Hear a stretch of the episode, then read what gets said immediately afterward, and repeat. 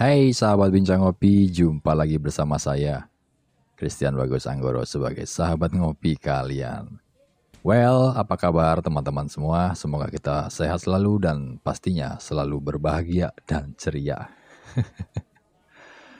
nah, dalam edisi podcast kali ini ya sebenarnya saya itu sedang apa ya tadi tuh asik gitu lagi nongkrong terus lagi ngobrol-ngobrol tentang sesuatu hal yang lagi hype di kehidupan kita belakangan ini ya.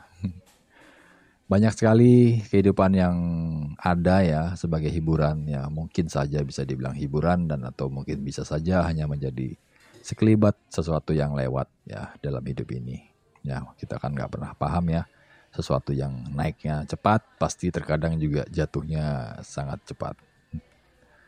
Jadi teman-teman saya ini sedang apa namanya ya uh, lucu aja. Saya kan ada uh, di sosial media di Facebook ya punya teman-teman banyak uh, kebanyakan mereka juga seorang penulis ya.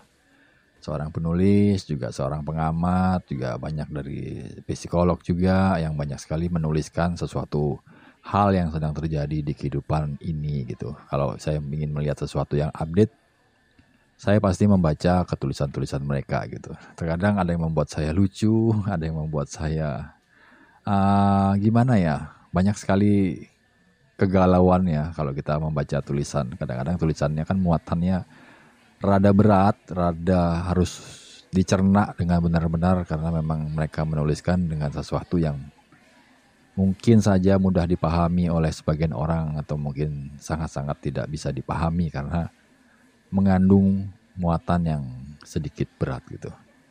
Jadi ya hal yang yang mengusik saya tuh ini bukan mengusik secara apa ya, nah, sedikit lah bercerita tentang flashback kehidupan di masa muda kita semua ya.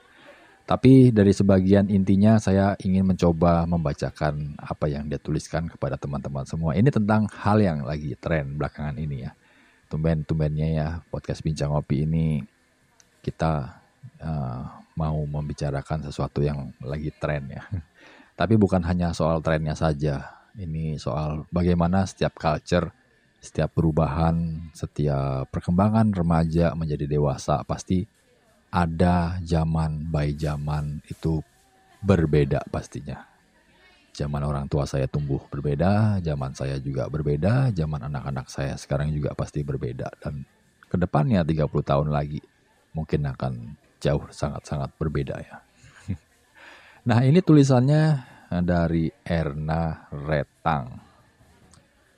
Izinkanlah saya sedikit membacakan ya tentang hal yang lagi tren ini. Namanya Fashion Week.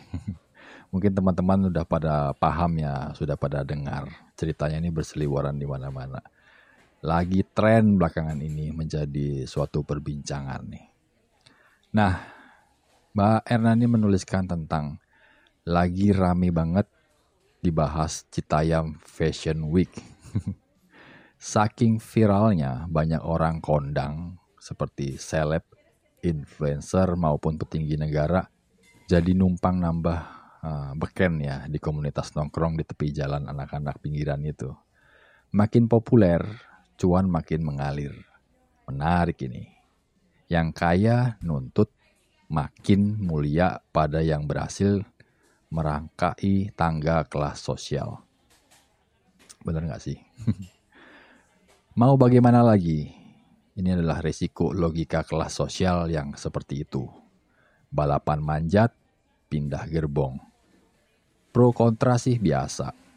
Kerisihan kelas menengah ketika ruang publiknya dibajak anak-anak kismin dari pinggiran.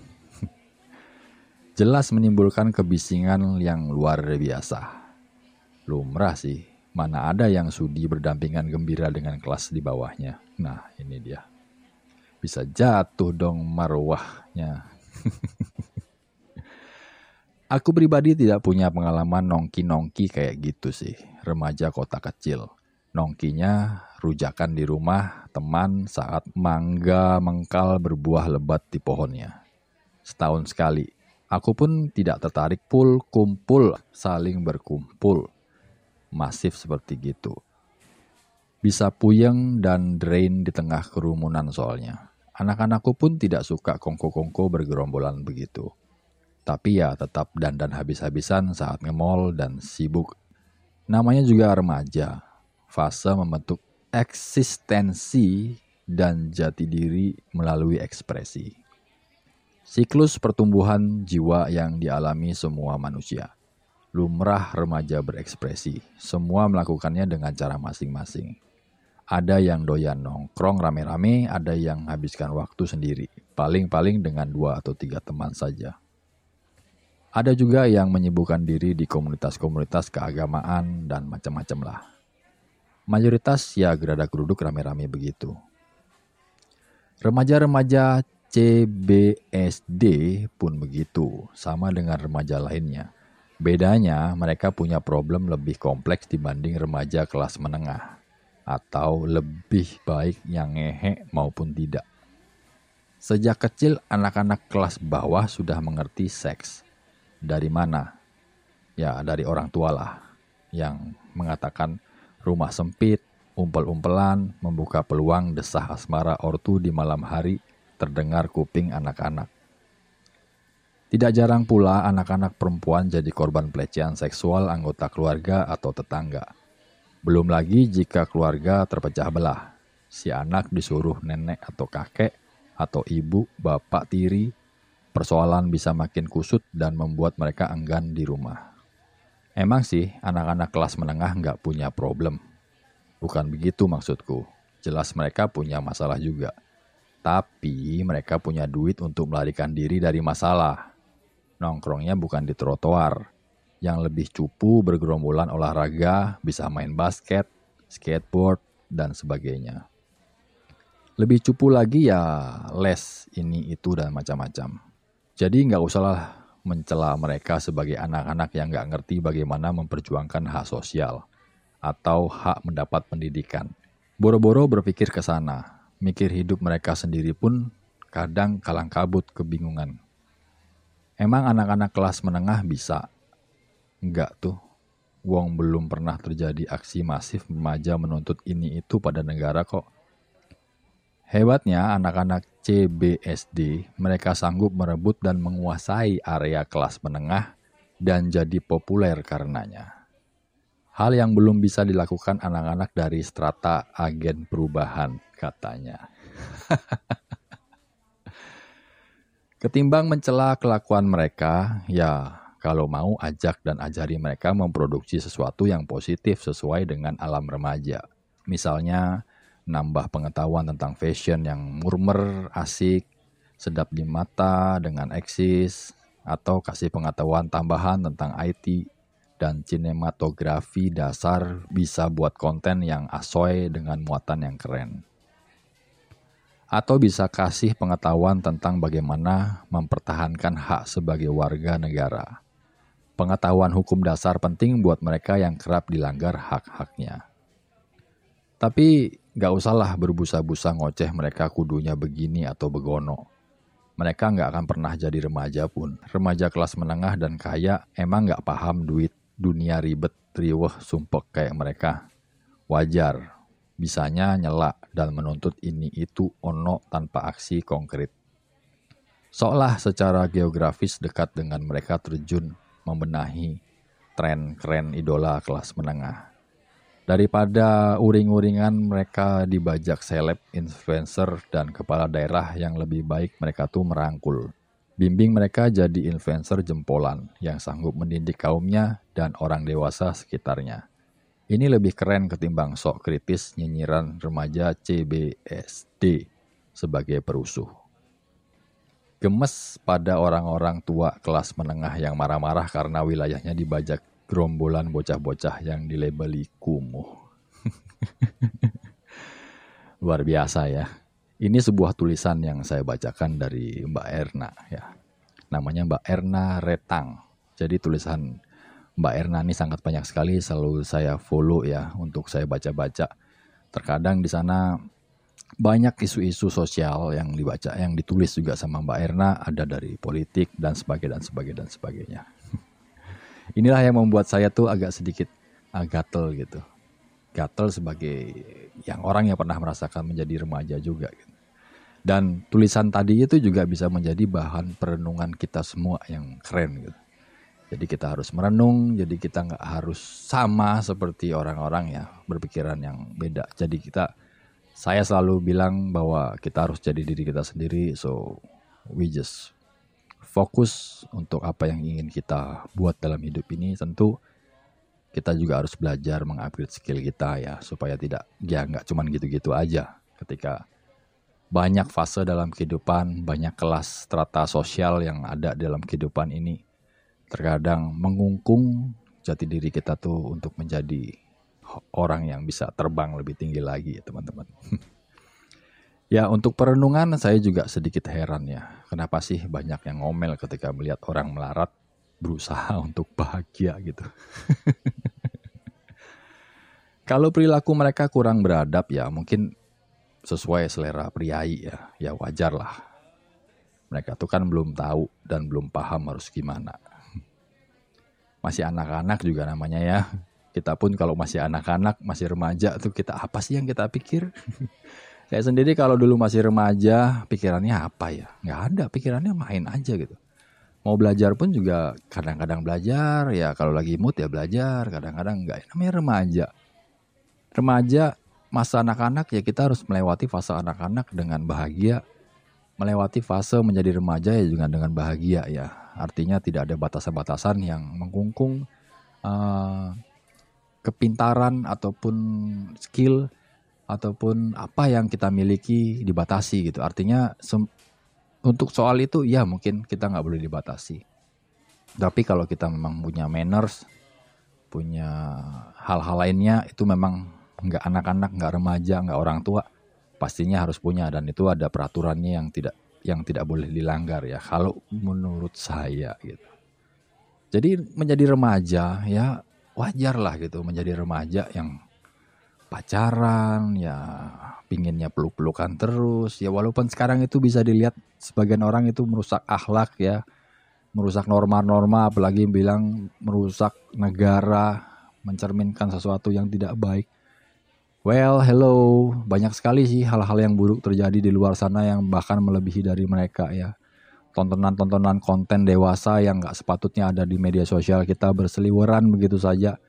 Yang di mana kita harus menjaga anak-anak kita untuk tidak melihat itu yang berseliweran di mana aja. Well, banyak sekali hal-hal yang jauh lebih tidak berguna, yang buruk ya. Mungkin saja berguna ya supaya kita belajar. Tapi kalau jumlahnya terlalu banyak dan berlebihan, ya bisa jadi nggak asik ya. Saya sendiri juga kalau ngelihat hal-hal seperti itu terus ya jenuh ya, bosan jadinya. Ya sekali-kali ya kita nggak bisa. Saya sendiri juga nggak bisa memendung itu. Itu kan namanya juga hak asasi manusia ya. Orang bebas melakukan apa saja, tapi saya tidak ingin bicara soal itu terlalu jauh karena bisa membuat tersinggung sebagian orang ketika saya berbicara hal-hal yang seperti itu. Tapi well dalam konsep podcast yang saya bicarakan kali ini ya tentang si remaja-remaja yang ada di Citayam Fashion Week ya. saya pun juga menaruh salut lah sama mereka. Mereka bisa kreatif, mereka bisa ya berkumpul ya. Namanya remaja-remaja berkumpul harus diciptakan wadah, harus diarahkan, harus diberi skill ya. Mungkin teman-teman yang merasa jago, orang-orang yang merasa keren, atau yang merasa punya skill dewa seperti master ya mungkin bisa berbagi ilmu sama mereka ya kenapa enggak diciptakan suatu perkumpulan, suatu kelas di mana orang-orang bisa sharing bersama, saling berbagi cerita, pengalaman dan banyak hal-hal lainnya. Kenapa mesti harus kadang-kadang tersaingi dengan perbuatan-perbuatan mereka ya itu cuma nongkrong gitu, cuma masalah mereka berkumpul lalu mungkin mereka lebih keren dari orang-orang yang nongkrong di sana sebelumnya ya banyak hal yang terjadi dan saya nggak paham karena saya nggak hidup di sana ya. Hmm. Tapi ini berdasarkan saya hanya melihat apa yang sedang terjadi belakangan ini yang jadi sebuah tren ya, menjadi viral. Teman-teman saya pun ikut membagikan dalam media sosial mereka ya, saya juga terusik sedikit ingin membaca lalu ya mungkin di edisi podcast kali ini karena ada tulisan Mbak Erna yang saya anggap mereka tuh adalah kaum yang melebeli ya. Jadinya saya berpikir make sense ya ketika pertentangan ada ya pro dan kontra. Terkadang ada orang yang merasa tersaingi dan ada yang merasa tersakiti ya. Wajar wajar jadi ya itu kembali lagi ya. Kenapa sih kita harus ngomel ngelihat sesuatu? Perubahan ya. Mereka tuh udah hidupnya berat ya. Mereka punya tanggung jawab hidup yang mungkin harus mereka lalui hari demi hari. Tiap jam mereka harus berpikir untuk bisa bertahan hidup ya.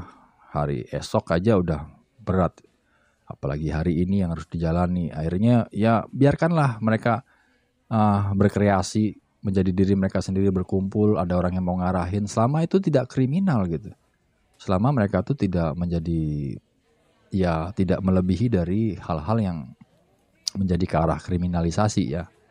Atau di sana ada bercampur nongkrong-nongkrong lama-lama ada drugs, narkoba dan seks bebas dan lain-lainnya.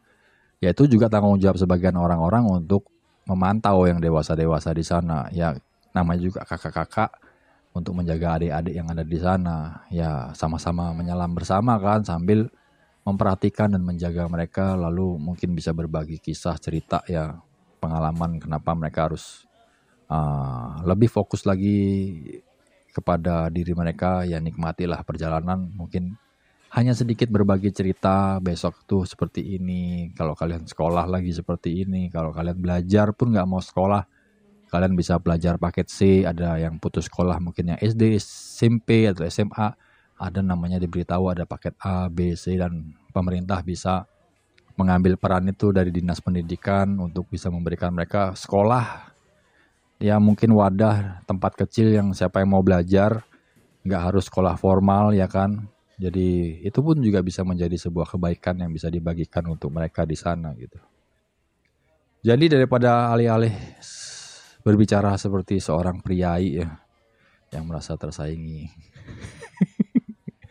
ya wajar lah ya kan mereka kan belum juga paham ya namanya juga hidup. Istilahnya mereka tuh dibilang bocil ya. Sama lah kayak saya gitu. Pernah menjadi bocil. Jadi mereka tuh kemungkinan di rumahnya nggak diurus sama orang tuanya. Ada juga yang orang tuanya tuh masih sibuk berjuang mencari nafkah. Dari subuh ketemu subuh ya. Boro-boro mendidik mereka dengan manners dengan hal-hal lainnya. Jadi menurut saya sih kumpul-kumpul mereka sambil tidak merusak ya, coret-coret dinding. Tidak buat graffiti yang buruk ya, tidak ada tulisan I love you atau Mika love Dede gitu kan nggak masalah ya. Jadi selama mereka nggak tonjok-tonjokan, nggak ada tawuran, nggak ada kriminalisasi, tidak ada drugs, ya karena mereka itu kalah keren aja dan kalah ngehits ya. Itu sudah bagus banget buat mereka. Jadi ya mungkin hal ini bisa disyukuri ada sesuatu makna yang bisa kita petik dari cerita ini, dari pemuda cita yang fashion ini, ya kan? Kalau kita-kita yang lebih beradab dan lebih terpelajar ini merasa mereka kurang pas, ya kita harus ulurkan tangan yang lebih dong, ya kan? bantu, bimbing, dampingi, ajak maju bersama ya kan. Ajak naik mereka bersama, bukannya dinyinyirin ya kawan-kawan ya. Saya pernah lah di fase-fase seperti itu dalam kehidupannya ketika saya masih duduk di bangku sekolah SLTP ya. Dulu itu ya namanya menjadi remaja saya paham lah. Saya sedikit banyaknya punya pengalaman dan ada pernah merasakan kalau dinyinyirin disepelein ya zaman itu sih saya nggak suka nongkrong-nongkrong yang seperti ngumpul-ngumpul gitu karena orangnya saya orangnya senang dengan yang namanya sendiri ya jadi saya pingin sekali zaman itu saya hidup di Jakarta di Tanjung Priuk ya namanya juga remaja Tanjung Priuk ngeliat teman-teman nongkrong di jalan ya apalagi di Pelumpang itu sama di jembatan Pasar Uler ya di Pelumpang Semper juga banyak nongkrong di jembatan tuh anak-anak tiris ya macam-macam ada di semua di sana. Saya ingin berkumpul sama mereka itu tapi basicnya karena saya orangnya senang sendiri, menyendiri, saya suka pergi sendiri, suka nongkrong sendiri. Kadang-kadang dengan satu dua teman sudah cukup. Kita main gitar sambil cerita-cerita, kita pergi ke Ancol, duduk di pantai. Ya itu wajar buat saya. Itu pun sampai di sana saya pergaulannya dan lebih dari itu saya sendiri juga tidak pernah merasakan balapan liar di jalan walaupun teman-teman saya banyak mengajak balapan liar di jalan tapi saya bersyukur saya memilih jalan yang benar pada saat itu saya ikut balapan di jalur yang resmi ya walaupun tanpa ada dukungan saya nekat aja dan berhasil sampai di mana titik saya memang benar-benar mendapatkan kehormatan dalam suatu podium ya. Itu diperjuangkan benar-benar tapi dari zero to hero. Buat saya ya itu perjuangan. Dan itu namanya remaja anak-anak. Saya paling jarang mau mendikte ya, remaja. Saya sering membiarkan mereka tapi ada batasannya membiarkannya. Tapi saya lebih banyak condong untuk mencontohkan ya kalau kita bilang bangun pagi kita sendiri bangunnya siang ya gimana mereka mau dengar kita dan mau mengikuti. Sedangkan contohnya seperti itu ya. Jadi teman-teman hanya sampai di sini saja tumben. Saya ingin membuat sesuatu yang singkat karena tulisan dari Mbak Erna. Sedikit ingin saya bacakan untuk menjadi kenang-kenangan di podcast Bincang Kopi ini untuk bisa saya dengarkan suatu saat nanti ya. Ketika uh, satu kaum melebeli satu kaum lainnya. So teman-teman tetap semangat, tetap percaya pada mimpi besar kalian. Jangan mau takluk dalam kehidupan ketika orang bilang kita tidak bisa. Mereka bilang kita tidak bisa karena mereka sendiri tidak bisa. Jadi always believe to yourself, make your dream come true dari hari ini. Coba, coba, coba dan always try. Never try, never know. Saya Christian Bagus Anggoro, pamit undur diri. Jumpa lagi pada edisi podcast berikutnya. Tetap selalu dan bersama saya sebagai sahabat ngopi kalian. See you and sampai jumpa.